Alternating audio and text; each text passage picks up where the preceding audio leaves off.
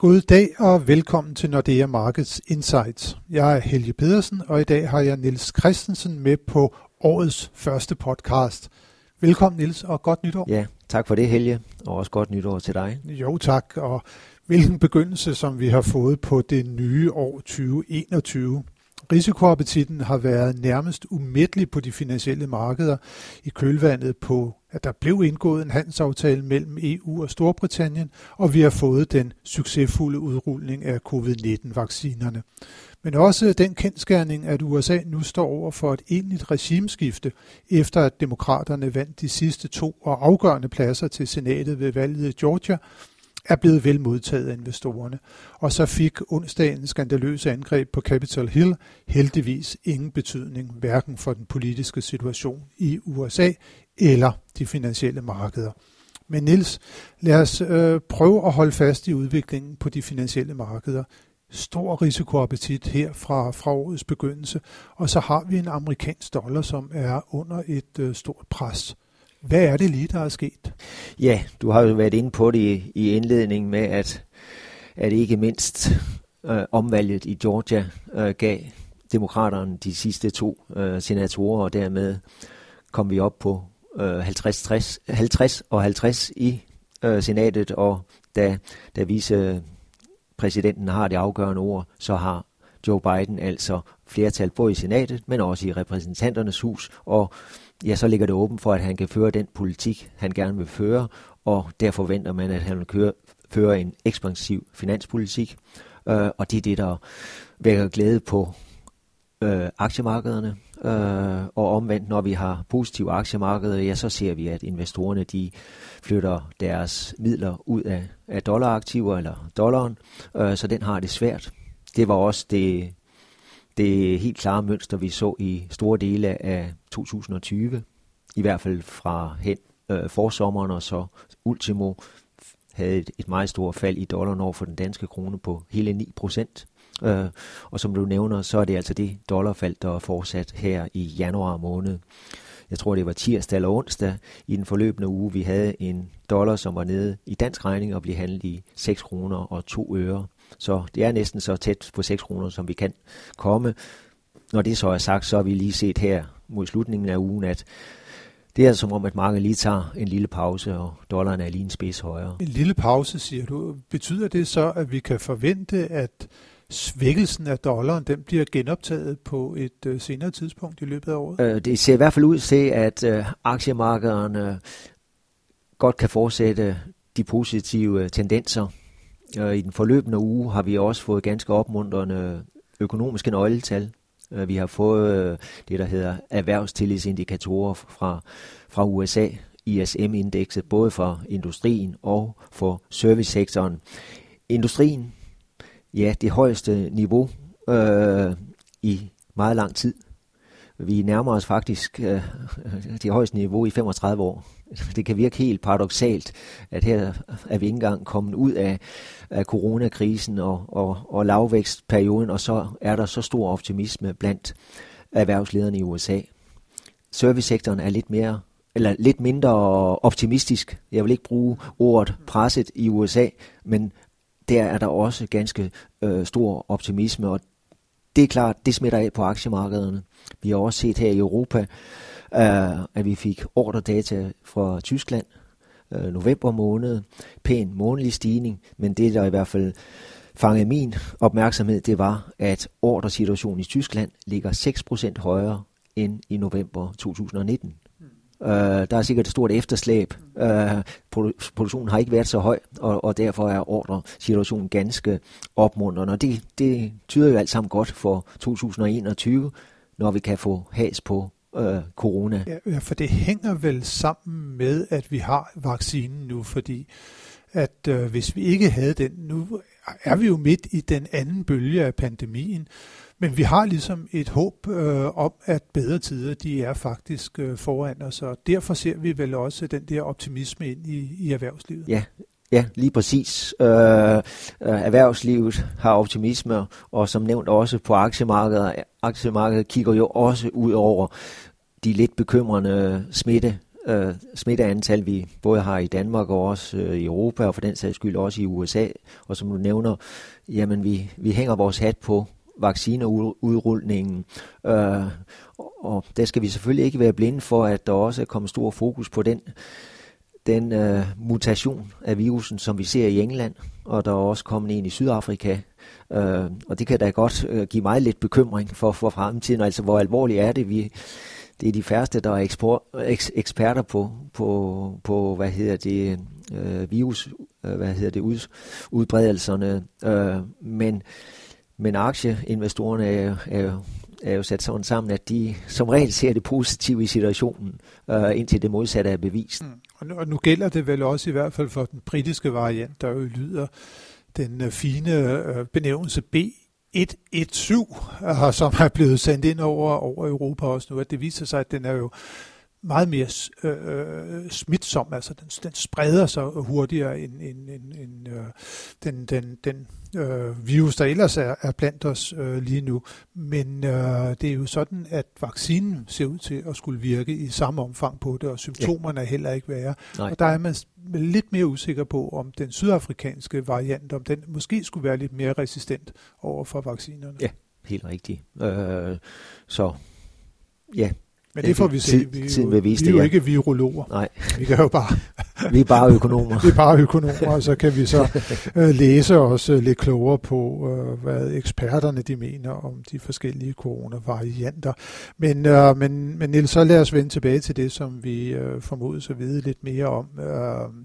Den amerikanske dollar, som sagt, den har været øh, ganske øh, under, under ganske stort pres, blevet svækket meget, og som du siger, så, så kan det godt komme, komme, komme tilbage. Hvis vi nu vender blikket mod Storbritannien. Øh, Brexit det blev afsluttet øh, heldigvis, kan vi sige, med en handelsaftale mellem EU og Storbritannien. Ja. Og det britiske pund har vel om noget været sådan barometeret for, hvad vej gik det i forhandlingerne. Nu har man fået aftalen. Hvad er der så sket med, med, med pundet? Ja, så skal vi jo lige pludselig til at, at vende tilbage til gamle tider og, og, og se, hvad er det så, der skal få pundet til at flytte sig. Og der er det som om, at markedet ikke rigtig helt endnu ved, hvilket ben de skal stå på. Øh, det vil jo være betragtninger, ligesom vi har for, for andre valutaer. Hvordan går det med den britiske økonomi?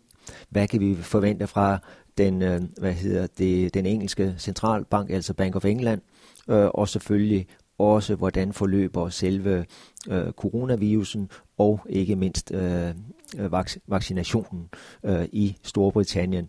Lige pt. så er det som om, at, at valutamarkedet, jeg vil ikke sige holder værd, men i hvert fald lige afventer nye informationer. Så vi ser fortsat et pund, som i dansk regning, ja, det ligger lige omkring de 8,25 kroner store dele af 2020, der så vi et pund, som svingede mellem 8 kroner og 8 kroner og 40. Så vi er stadigvæk inden for det interval.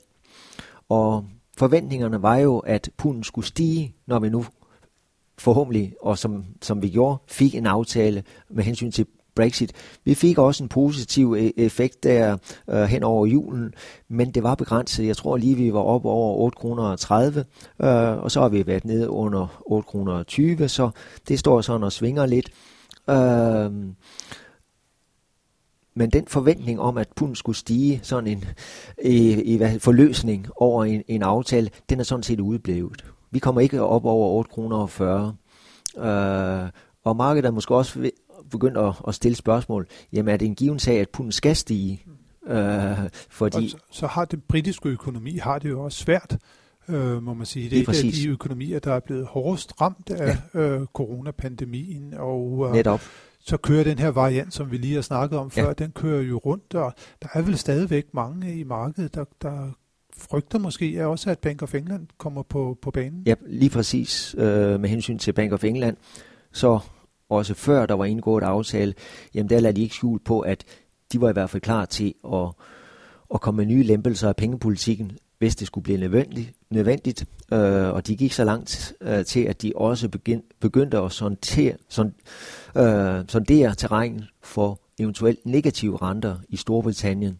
Øh, så det var en klar tilkendegivelse af, at, at hvis det hvis der var behov for det, ja, så ville de sætte renten ned i negative territorier, og givetvis også komme med, med flere kvantitative lempelser, som de gjorde så sent som på det seneste møde i december måned. Så en meget øh, lempelig pengepolitik, det giver som regel modvind for valutaen, og i den her situation pundet. Tør du spå på, hvordan det vil gå med pundet henover det kommende års tid? Jamen, vi har, vi har jo sådan set, øh, øh hvad hedder det, øh,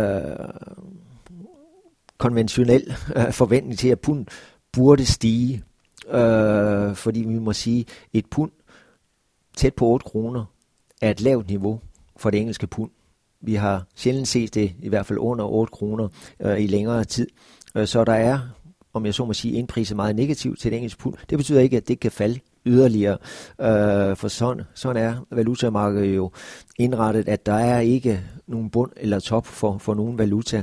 Øh, men som det ser ud lige i øjeblikket med det, vi har været inde på, usikkerhed med økonomien, usikkerhed med, om der kommer yderligere lempelse øh, fra Bank of England, så tror jeg ikke lige, den pundstigning er lige om hjørnet. Det skal vi nok være lidt mere tålmodige, øh, fordi det er jo, hvad skal man sige, det er rigtigt, du siger, at, at økonomien er hårdt ramt, men det er jo lidt ligesom elastikket, der er trukket meget langt ud. Øh, forhåbentlig svirper den britiske økonomi tilbage på et eller andet tidspunkt, og så bliver der også bedre tider øh, for det engelske pund. Det bliver bedre tid på et tidspunkt for det engelske pund, siger du. Nogle af de valutaer, som det er blevet bedre tider for på det seneste, det må vi sige, det er den svenske krone og ikke mindst den norske krone. Hvad er det lige, der er sket med vores øh, skandinaviske øh, brødre ja. valutaer? Ja, bestemt. De er kommet godt igennem jul og nytår, øh, både på den svenske og den norske krone. Jeg vil sige, for, nor- for den svenske krone er der sådan set ikke så meget nyt, øh, men den positive udvikling i den svenske krone fortsætter på ryggen af den globale risikoappetit, som vi har set det også i store dele af 2020, igen efter coronakrisen, jamen med positiv aktiemarked, så er der altså en tendens til, at den svenske krone stiger i værdi. Øh, og det betyder, det betyder, at den svenske krone i 2020 var faktisk en af de valutaer, der klarede sig allerbedst. En af de få valutaer, som faktisk steg i værdi over for den danske krone fra 1. januar til 31. december. 2-3 procent, det er måske ikke meget, men når andre valutaer både faldt 10, 15 og 20 procent, så er det, jo, er det jo ikke så ringe endda. Den positive tendens er fortsat, som vi har været inde på med positive aktiemarkeder her i den første uge, og vi har en svensk krone, som ligger over 74 øre. Den er steget rigtig meget, øh, som sagt, og derfor er vi måske lidt mindre optimistisk fremadrettet. Øh, der er priset et forholdsvis positivt scenarie ind for den svenske krone. Øh, men som jeg var inde på, vi tror jo sådan set, at, at verdensøkonomien kommer på fod igen. Vi tror sådan set, at aktiemarkederne måske nok ikke stiger lige så meget som sidste år, øh, men alligevel har en pil opad, risiko, god risikoappetit, jamen så bør pilen også i hvert fald om noget pege lidt opad for den svenske krone også fremadrettet. Den norske krone, ja, der er det ikke risikoappetitten, der får den til at stige. Det er ikke overraskende en højere oliepris, blandt andet. Hænger det ikke også sammen med en større risikoappetit? Er det ikke også noget, der kan slå ud på råvarepriserne? Jo, øh, fordi man kan så gå skridtet videre. Hvad er det, der ligger bag den bedre risikoappetit? Jamen det var større optimisme omkring økonomien, større optimisme omkring finanspolitisk lempelse i USA. Så jo, øh, det hænger sammen. Bedre økonomiske udsigter, positive aktiemarked, højere oliepris. Dog vil jeg sige, olieprisen er steget markant i den her uge, og det gjorde de, fordi OPEC og Rusland igen satte sig til forhandlingsbordet for at beslutte sig for, hvor stor skulle produktionen af olie være i februar. Det er den aftale, de indgik mod slutningen af sidste år, at når vi kom ind her i 2021, ville man hver måned lige øh, sætte sig ned og finde ud af, om man skulle hæve eller holde uændret produktion den kommende måned. Og der fik vi en stor overraskelse her. Tirsdag var det, at Saudi-Arabien faktisk gik ud og sagde, vi synes ikke, vi skal hæve. Vi synes heller ikke, vi skal holde uændret. Vi synes, vi skal sænke produktionen. Og det var en stor overraskelse, og derfor fik vi en stigning i olieprisen på ja, 4-5 dollar. Øh, det vil sige små 10 procent. Øh, så derfor en øh, højere norsk krone, og vi må sige, det er ikke den eneste positive faktor for den norske krone. Der er også den norske centralbank, Norges Bank, som på det seneste møde i december måned, eller seneste møde i 2020, var ude at sige, det går jo meget godt, og hvis det fortsætter på den her måde, ja, så kan vi godt forestille os, at vi bliver nødt til at sætte renten op, ikke i anden halvår 2022, men allerede i begyndelsen af 2022. Øh, og det er sådan set den eneste centralbank nok i hele verden, der i øjeblikket begynder at signalere, øh, at de overvejer at hæve renten. Så det er stærkt understøttende for den norske krone. Øh, og vi har en norsk krone, som ligger lige over de 71 øre. Ja, det bliver spændende at, at følge, fordi det har altså virkelig været nogle solide stigninger, som vi har set i, øh, som sagt, den, den norske og den svenske krone på det seneste. Men også hvis vi lige vender blikket mod øh, det, den hjemlige valuta, så er kronen jo også blevet, øh, blevet styrket ret meget på det seneste. Vi skal faktisk øh, flere år tilbage, før vi har haft så stærk en krone over for euroen. Og der er det jo mindre intervaller, vi snakker i, men alligevel, det er jo noget, som de holder øje med inde i, øh, i Havnegade eller ude i Nordhavn, hvor de sidder nu. Ja, det er rigtigt.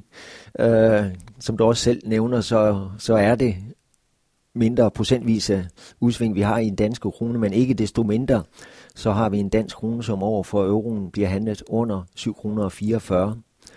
Og det er i, i, øh, på valutamarkedet stærke niveauer for den danske krone. Niveauer, hvor vi tidligere har set, at Nationalbanken er kommet ind og intervenerer.